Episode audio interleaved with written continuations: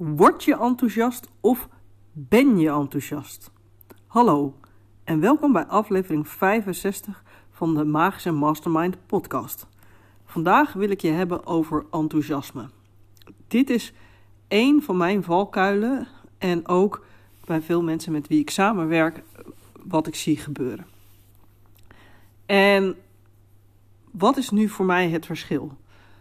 Um, wanneer je heel veel dingen leuk vindt, zijn er als ik zeker als ik naar mezelf kijk, zijn er een hoop dingen waar ik enthousiast van word. Vooral als je in gesprek raakt met andere mensen en die je voeden met ideeën. En sommige dingen ben je enthousiast over en die geven je intrinsieke motivatie om ergens mee aan de slag te gaan. En een voorbeeld uit mijn eigen leven was toen ik begon met ondernemen, ben ik begonnen met programmeren met Esther, waarin ik meiden enthousiast wilde maken om uh, kennis te maken met programmeren. Zodat ze, dat als ze dat op jonge leeftijd doen, um, ja, dan is het een optie om daarvoor te kiezen in een, uh, hè, op het moment dat ze vakkenpakket gaan kiezen of een studie. Um, en dat is iets waar ik heel enthousiast van word, nog steeds. In het begin was ik ook echt enthousiast. En op een gegeven moment is dat omgeslagen en het duurde even voordat ik dat door had. En um, nou, waar lag dan voor mij het verschil? In het begin, natuurlijk, als je een idee hebt, moet je allerlei dingen gaan doen en gaan uitwerken. En als je echt enthousiast bent, dan um, op het moment dat je dan ergens mee aan de slag gaat, dan kom je in de flow, dan heb je er super veel zin in. Dan kan je creëren, dan krijg je ideeën. En dan gaat het bijna vanzelf. En um, op het moment dat je enthousiast wordt van iets, voor mij is dat vooral wanneer je dus uh, anderen erover gaat vertellen. En uh, wanneer je uh, mensen er naar vragen en andere mensen zeggen van ja, dat is een tof idee. En elke keer als je in gesprek bent, nou, dan word je echt weer heel enthousiast. Maar waarom is, wat is het verschil? Op het moment dat die een beetje excentriek, of, uh, excentrieke moet je mij horen, um, die externe um, reden wegvalt om ergens mee aan de slag te gaan, dan uh, doe je eigenlijk niks. Dus je blijft uitstellen. En uh, voor mij betekende dat dat ik na nou, best wel een tijd achterkwam, heel lang excuses tegen mezelf van, nou weet je, dit en dat. En er kwamen allerlei andere dingen tussendoor. En ik vind zoveel dingen leuk. En dit komt wel weer vanzelf. En uh, het kwam dus eigenlijk niet meer vanzelf. En op een gegeven moment ik, was ik dan weer enthousiast. En dan kreeg ik ideeën van ik wil dit en dit en dit gaan doen. En in het begin, toen ik enthousiast was, dan als ik die taak had verzonnen, dan ging ik gelijk aan de slag. En ging ik die volgende stappen zetten. En op een gegeven moment, toen het het niet meer was, um, ja, dan had ik wel idee. Oh, en dan ging ik met mensen praten. En dan, ik had op dat moment bijvoorbeeld ook een coach. En zei ik, ja, dan ga ik die en die stappen zetten. Nou ja, en een uh, tijd later was er niks gebeurd. Omdat ik gewoon geen eigenlijk geen zin meer had om ermee bezig te zijn. En ja, na een tijdje keek ik terug op mezelf. Toen dacht ik, goh, echt elke keer als ik er eigenlijk mee aan de slag moet, uh, dan voelt het ook echt als moeten. En niet als iets waar ik zelf nog heel blij van word. En ja, ik vond het nog steeds belangrijk dat meiden uh, vroeg kennis maken met programmeren. Maar op een gegeven moment kwam ik erachter, het is niet meer mijn taak. Niet iets waar ik aan wil of kan bijdragen op een manier uh, die blij maakt.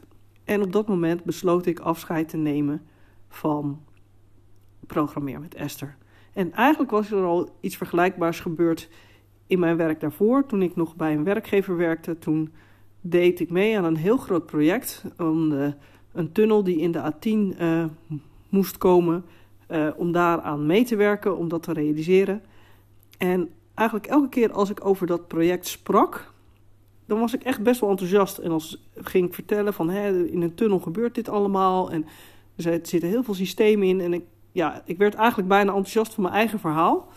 Maar op mijn werk had ik totaal niet naar mijn zin. En uh, ja, wilde ik helemaal geen taken uitvoeren. En dacht ik, waar ben ik terecht gekomen? En uh, ik moest ook gewoon, vond ik, stom werk doen. Heel lang uh, veel opleiding gehad, werk, uh, jarenlang werkervaring. En ik zat eigenlijk gewoon tekstjes te kopiëren. Dat ik dacht van oké, hier ben ik niet voor in de wieg gelegd.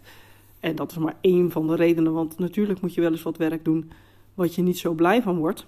Maar ook daar weer, op het moment dat ik er met andere mensen over sprak, kon ik echt wel enthousiast zijn over dat project.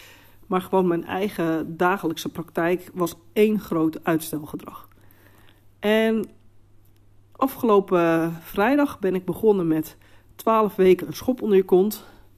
En ook daar weer kwam naar voren dat er iemand was en die, die maakte geen keuzes. Uh, of die vond dat lastig en was al een jaar bezig uh, om online programma uh, te willen maken, maar het lukte niet. En ja, dat uitstelgedrag voor mij een van de belangrijkste redenen is dat je dus niet enthousiast bent over wat je aan het doen bent. Um, en ja, soms weet je het niet. Misschien heb je zoveel mogelijkheden in je hoofd. En dan denk je van, nou ja, ik weet echt niet waar ik moet beginnen. En in dat geval, wat voor mij dan het beste werkt, is gewoon met iets aan de slag gaan. En dan merk je vanzelf of je enthousiast bent, omdat je uh, zin krijgt om taken ervoor uit te voeren. Of dat, je, nou, dat het misschien niet eens iets was waar je heel enthousiast over was. En eigenlijk ook niet wordt. Maar dan kan het idee van tafel en dan is het iets voor iemand anders om uit te voeren. Nou, loop jij dus ook al een hele tijd met een idee voor een online programma en uh, komt het niet van de grond, dan is waarschijnlijk de grootste reden dat je niet iets uh, voor ogen hebt nog waar je echt enthousiast over bent. En uh, ja, dan kan je bijvoorbeeld een keer langskomen uh, en je opgeven voor 12 weken een schop onder je kont. Ga je elke week een stapje zetten en ga je op zo'n manier die keuze maken. Of schakel iemand anders in, uh, een bevriende ondernemer of een kennis. Ga over je projecten praten en uh, kijk waar je echt enthousiast over bent. Dankjewel voor het luisteren weer en tot de volgende podcast.